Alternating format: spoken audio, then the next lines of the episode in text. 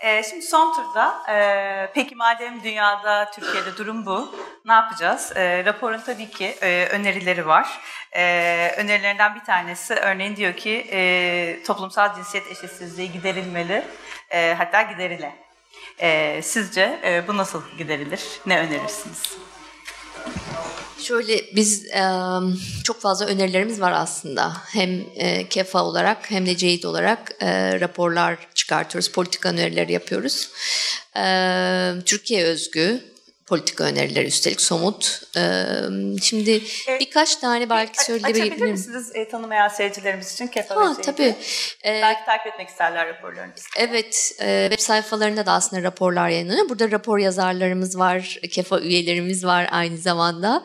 E, kadın emeği e, araştıran, inceleyen, üzerine kafa yoran feminist araştırmacılar KEFA kadın emeği üzerine çalışmalar yapan feminist araştırmacılar grubu. E, ee, CEİT'te Cinsiyet Eşitliği İzleme Derneği. E, biz aslında tamamen bağımsız, hiyerarşik olmayan herhangi esnek bir kurumuz KEFA'da. E, CEİT'te bir dernek. E, CEİT'te 10 alanda Türkiye'de e, yani eşitsizlik alanlarında daha çok çalışma yaşamını ben sizinle paylaştım ama spor alanı, e, sağlık alanı, din hizmetleri mesela kentsel hizmetler bahsedildi açılış konuşmalarında. E, çok çok kritik bulguları var. Din, dinsel, dini hizmetlere erişim vesaire gibi. E, insan ticareti, şimdi aklıma gelenler sağlık, eğitim elbette var. İktisadi yaşam var, istihdam var. E, bu raporlarda medya var, evet medya iletişim.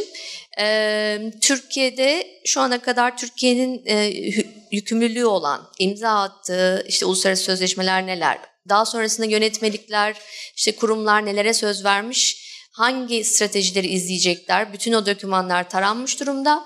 Daha sonra göstergeler çıkarılmış, mevcut durum ne, ne kadar uzağız, bir takım normlar var. AB, e, OECD ve hatta uluslararası BM normları aslında Birleşmiş Milletler normları.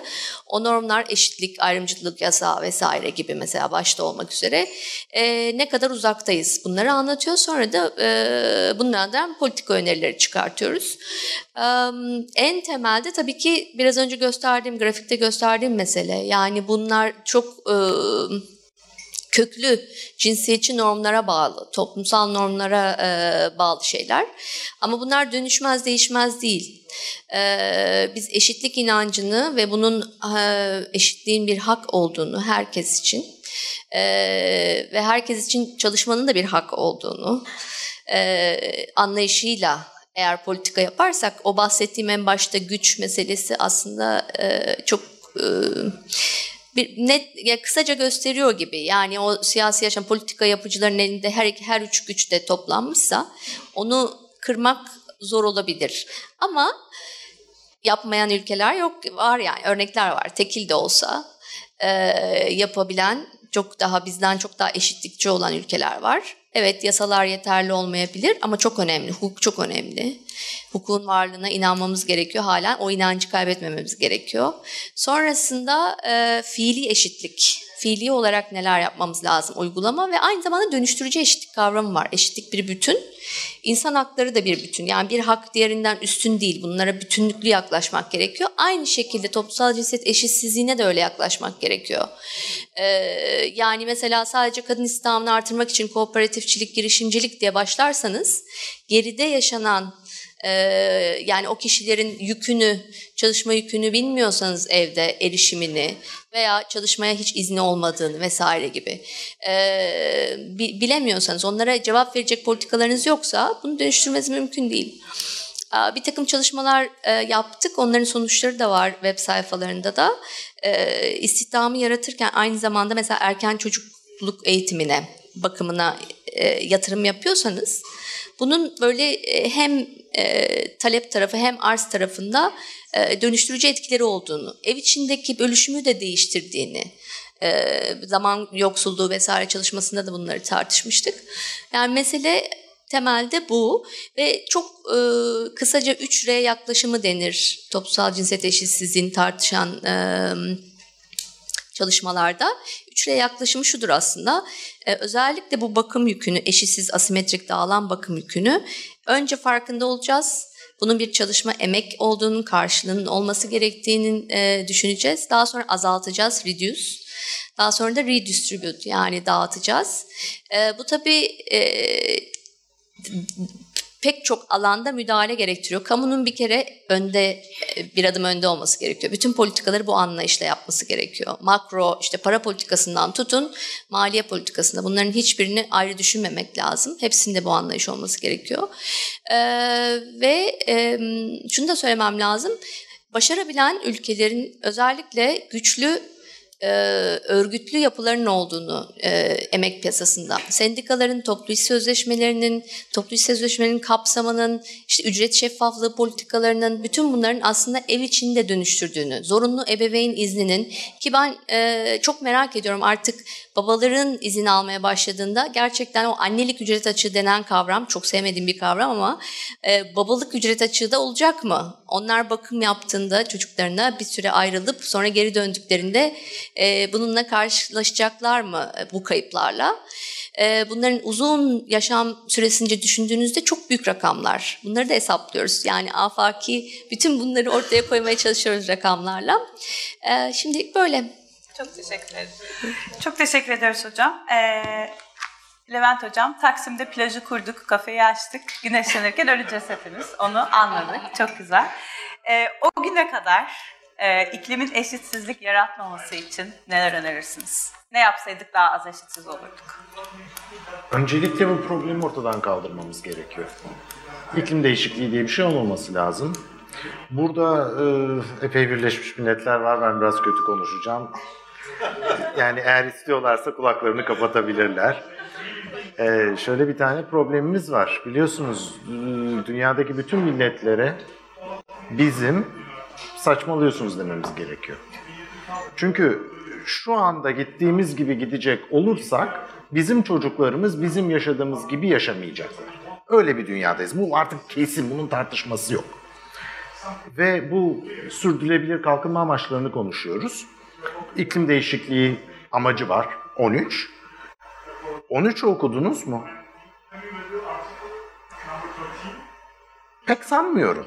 Çünkü içinde ne olmadığını biliyor musunuz onun? İklim değişikliğini durdurmak diye bir amacı yok. Yani bütün dünyaya 2030'a kadar bir amaç veriyoruz ve bu amacın içerisinde iklim değişikliğini durdurmak yok. Çünkü Birleşmiş Milletler hani benim anladığım kadarıyla bu işin yapılabileceğine pek inanmıyor artık. Çünkü inanıyor olsa Paris Anlaşması gibi bir saçmalık karşımıza çıkmazdı. Yani mesela Türkiye Cumhuriyeti'ne geliyor diyor ki Birleşmiş Milletler, ey Türkiye Cumhuriyeti ne yapman gerektiğini düşünüyorsun bu iklim değişikliği konusunda ve Türkiye Cumhuriyeti diyor ki ben enerji üretimimi yani linyit bağımlı enerji üretimimi her sene %7 arttıracağım 2030 yılına kadar buna söz veriyorum diyor.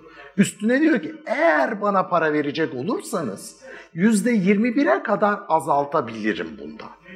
Yani şu anda bakacak olursak dünyada Türkiye Cumhuriyeti iklim değişikliği hedeflerini yerine getiren belki de tek ülke. Çünkü o kadar fazla enerji üretemediğimiz ve o kadar fazla kömür yakmadığımız için otomatikman bütün bu hedefleri yerine getiriyoruz. Ama bu tür adımlar atarak da bizim iklim değişikliğini durdurmamıza imkan yok. Bundan doğabilecek herhangi bir probleme yapabileceğimiz hiçbir şey yok. Yani ülkemizde bunun tamamen farkında değiliz. Hiçbir şekilde yakınından bile geçmiyoruz. Ama bunun için yakınından geçilmesine yardımcı olacak adımları atacak kimse de yok. Bunu şunun için söylüyorum. Mesela Konya Ovası'nda e, yeraltı suyundan yararlanarak tarım yapıyoruz. Yeraltı suyundan yararlanarak pancar üretiyoruz. Ki pancar asla ve asla Konya Ovası'nda üretilmemesi gereken bir nesne. Ve yeraltı suyu her sene 3 metre düşüyor. Yeraltı suyu yenilenebilir bir kaynak değildir. Birinin kalkıp höp demesi gerekiyor. Çünkü bu olmadığı zaman bundan 10 sene sonra oradaki çiftçi inanılmaz kötü bir duruma düşecek. Bunun o kötü duruma düşmemesi için bütün tarım politikasının yeni baştan yapılandırılması gerekiyor. Ve hani o çok sevdiğimiz laf var demokrasi diye. Demokrasi her çiftçinin aklına eseni tarlasına ekmesi ve istediği kaynağı kullanması olmamalıdır. Yani ne yapacaksak bunları yapmamız gerekiyor. Çünkü biliyoruz ki 10 sene sonra o adam zarar görecek bundan. O birey. Kadın, birey. Neyse ama genelde o şeker pancarı tarımı yapanlar genelde adam oluyor. Kusura bakmayın onda. Yani o çok basit bir şey. Kadınlar böyle salakça bir şey yapmaz. Öyle bir tarafı da var bunun. Yani genelde kadınlar biraz daha geleceği düşünerek hareket ediyorlar. Adamlar biraz daha az uzun vadede geleceği düşünüyorlar. E işte Türkiye'de de %17 kadın temsiliyeti varken e, mecliste dolayısıyla bizim aldığımız toplumsal kararların önemli bir çoğunluğu da e, erkeklerin kararları oluyor. O da yakın zamandaki problemleri çözme üstüne. Uzun vadeli bakıştansa. Ama bu sadece Türkiye değil, dünyanın pek çok yerinde de aynı problem var. Onun için de hani en önemli gidermemiz gereken o kadın yaklaşımlı bakışı bunun içerisine getirmek ki geleceğin bir anlamı olsun. Teşekkür ederim.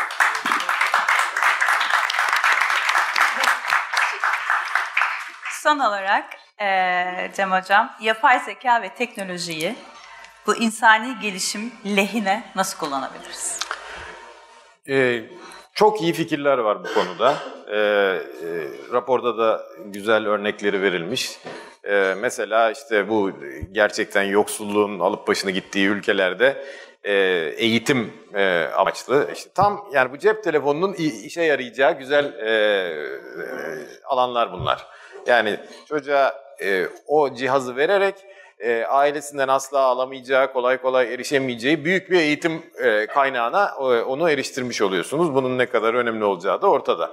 Aynı şekilde bir takım sağlık e, hizmetlerinin özellikle de e, psikiyatrik sağlıkla ilgili e, bir şeyleri enteresan bir takım çalışmalar var. İnsanlar e, robotlara dertlerini anlatmayı insanlara anlatmaktan daha çok seviyorlar. Daha rahat e, oluyorlar.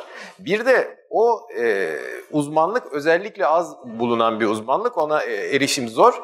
E, oysa bunun bedava e, robot, e, chatbot e, sistemleri var. Siz derdinizi onunla yazışarak anlatıyorsunuz ve o e, bir takım anahtar kelimelerden filan tabii istediğimiz kadar iyi değiliz bu doğal dil anlama konusunda. E, sizin yani ne bileyim e, hani problem e, kısmına girip girmediğinizi e, oldukça yüksek bir doğrulukla yani galiba pratisyen doktorlardan daha yüksek doğrulukla filan e, anlayabiliyor. E, Instagram hesabınızda kullandığınız renklerden, filtrelerden filan sizin depresyonda olup olmadığınızı yine pratisyen doktorlardan daha e, e, yüksek doğrulukla e, tanıdığını söyleyen bir e, program var e, filan. Yani teknolojinin böyle bir güzelliği var. Genel olarak teknoloji dünyayı değiştire değiştirmek için bulduğumuz biz bir bu insan e, ırkının e, aklına gelen e, hani tek fikir gibi bir şey. Öbürü de işte tamamen ötekileri öldürelim, onların e, yerine ko- e, konalım filan. E, maalesef tabii işte böyle dünyayı yok etmek gibi de e, yan etkileri olabilir ama muhtemelen hani yo- yok edecek derken de şeyden bahsediyoruz değil mi? Zengin ve akıllı bir grup insan yine kalır herhalde. Çok sıcak ve eskisi kadar hoş olmayan bir gezegenin e, Sibirya yörelerinde filan. Beyaz E, filan. Yani bu bu Akıl şart değil. Ha, e, görüyoruz. Abi o Sibirya uçağının yerini bulamaz. Ee, yani e, bizim tabii ki bu e, e, hocamızın yaptığı şey de bilim ve teknolojinin e, bir uygulaması.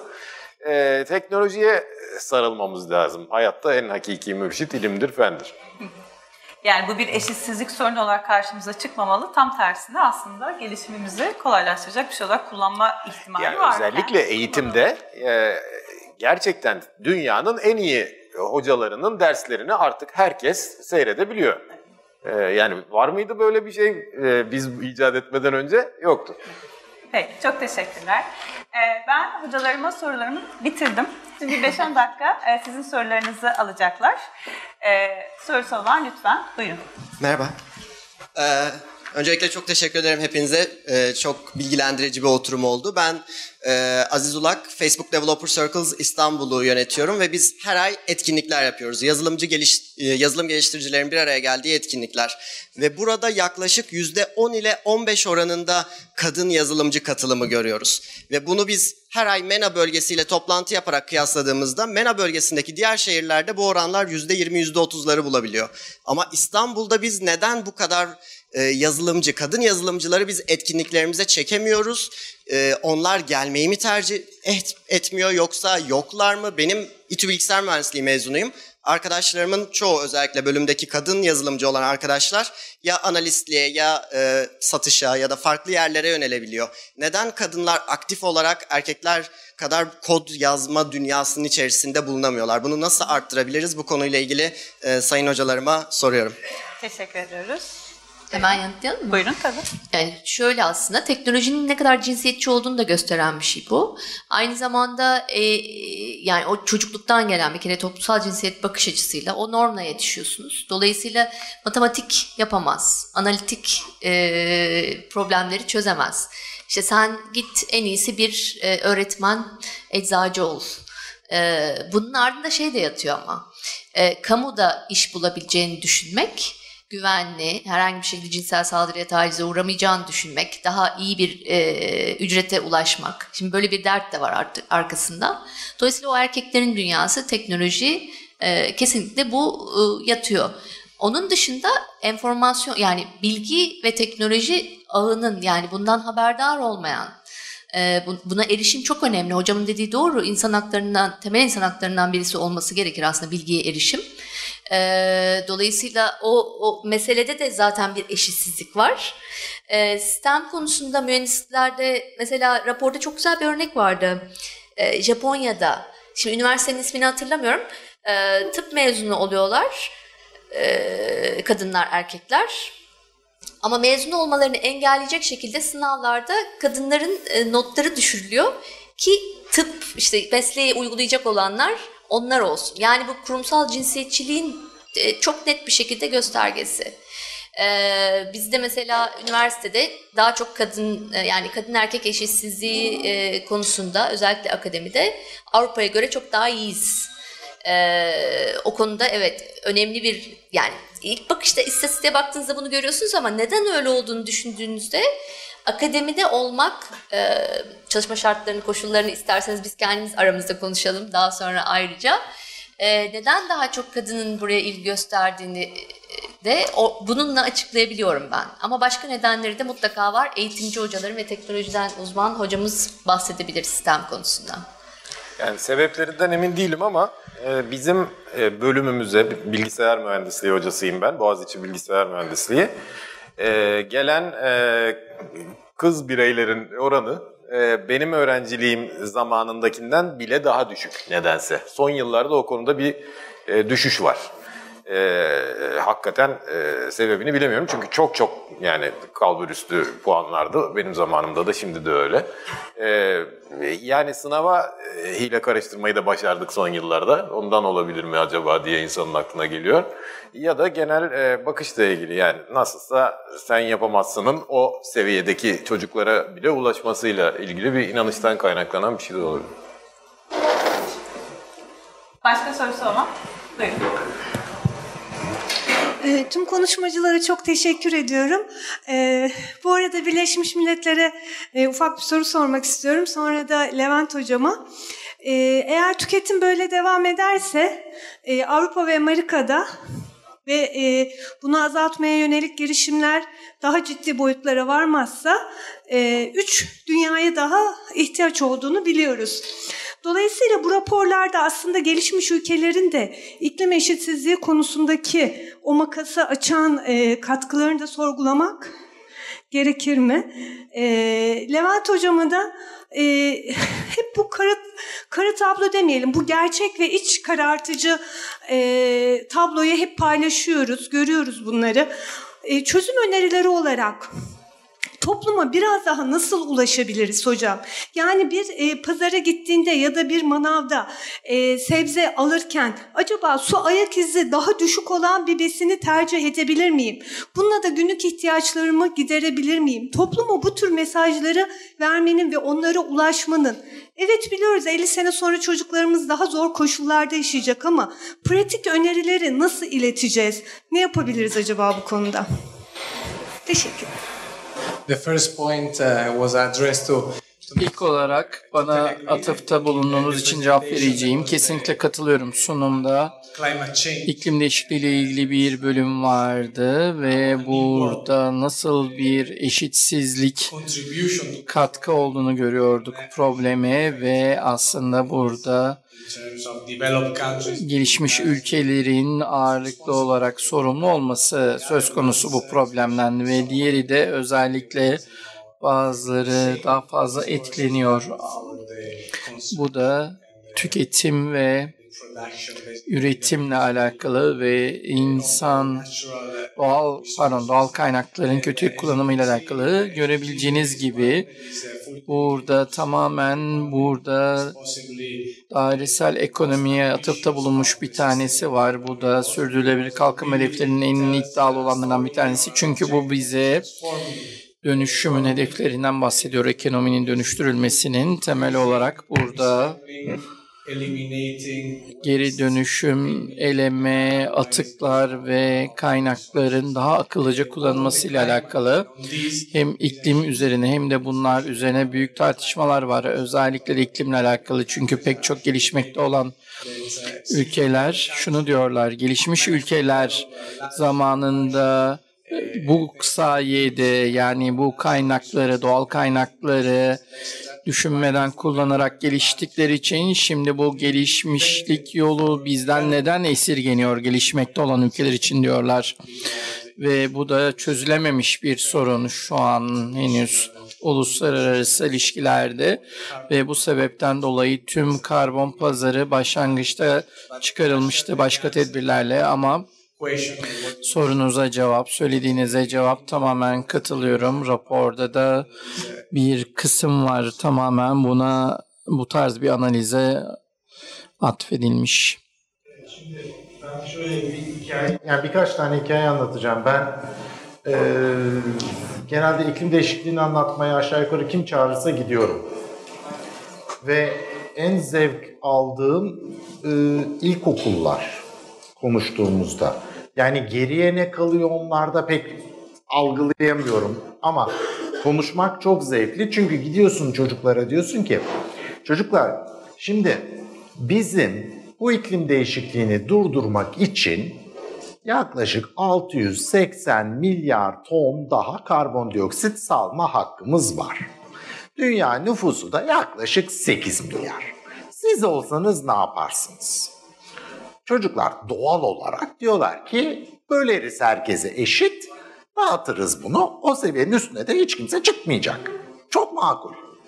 Ondan sonra diyorsun ki ama ya bak şimdi bunun içerisinde mesela Afrika'da bu probleme hiç katkıda bulunmayan çocuklar var. Bir de gelişmiş ülkeler var. Yani bunlar işte İngiltere'si, şusu busu çok korkunç uzun süredir kömür yakarak buralara geldiler. Şimdi bunlara eşit imkan tanımak haklı mıdır? Aa olmaz tabii diyorlar. O zavallı çocukların suçu çok çok daha az. Onlara biraz daha çok verelim. O zaman ne yapalım? Hani ortalamada 80 ton herkesinki. Afrika'daki çocuklara biz 100 verelim. İngiltere'deki çocuklara 60 verelim. Böyle bir şey olur mu? Kesinlikle olur diyorlar. Anlaşıyoruz onlarla. Ee, aynısını büyükler yapamıyor. Problem bundan ibaret. Yani daha detayı yok bu işte. Yani çünkü çocuklar bu sadece Türkiye'de değil eminim İngiltere'deki çocuklara da gidiyor olsan onlardan da farklı bir cevap çıkmayacak. Ama olay bu. Şimdi ondan sonra o ilkokuldaki çocuklara diyorum ki peki şimdi bakın şurada diyorum yukarıda bir ton ışık var açık. Biz bu konuşmayı yaparken o ışıkların açık durmasına gerek var mı? Yok diyorlar. O zaman diyorum siz niye öğretmenlerinize şikayet etmiyorsunuz bu ışığın kapatılması gerektiğini? Öğretmenim diyorlar hemen öğretmenler koşuyor ışığı kapatıyor. Bu birkaç defa oldu son zamanlarda. Dolayısıyla ben onları fiştekleme üstüne çalışıyorum.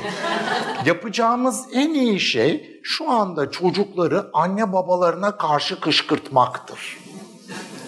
Benim hedefim o. Her gittiğim yerde diyorum ki niye bu ışıklar? Evde yapıyor musunuz mu? Evet benim annem mutfağın ışığını hep açık bırakıyor sonra da bana kızıyordu mu? Tamam mı? Hep bunlar var çocukların içerisinde. Peki diyorum siz en öldükleri şey şu e, Burger King'den yemek yemek yok diyorum. Dörtler gidiyor orada. bir, bir orayı aşamadık onlarla. Ama burada o dediğinizi ben her hafta yapıyorum. Cuma günü bu biliyorsunuz Fridays for Future diye bir grup genç var. Ben onlarla beraber sokaktayım. Beni mesaj atıyorlar perşembe akşamı. Biz bu hafta şuradayız. Bu geçen cuma Silivri'ye götürdüler beni. Yani hep birlikte cümbür cemaat Silivri'ye gittik. Silivri'de de bir kişi gelip sormadı. Hani elimizde kocaman bir pankart var. İklim krizi hepinizi öldürecek daha fazlasını bilmek ister misiniz diye. Yani bununla duruyorsun şehrin ortasında. Önünden geç herkes bakıyor böyle. Bir kişi de abi nedir bu iklim krizi ben niye öleceğim merak etmiyor. Öyle bir dünyada yaşıyoruz. Ha biri sorsa diyeceğim bak sen bu domatesi ne bileyim şu kadar suyla yetiştireceğine bu kadar suyla yetiştirsen ya da buzdolabında çürütmesen, buzdolabını verimli alsan anlatacak çok şey var da kimse sormuyor. Umurunda değil çünkü insanların. Ne zaman olacak? Başımıza bir bela geldiğinde. O da iyi bir şey değil. Yani aslında hala yapılacak bir şeyler var. Aa yapılacak çok şey var. Raporda, Tabii ki. Raporda zaten e, beş me- mesajının sonuncusu olarak e, böyle bitiriyor. Ben de paneli böyle bitiriyorum. E, çok teşekkür ederim katıldığınız için. Hocalarımıza tekrar çok teşekkür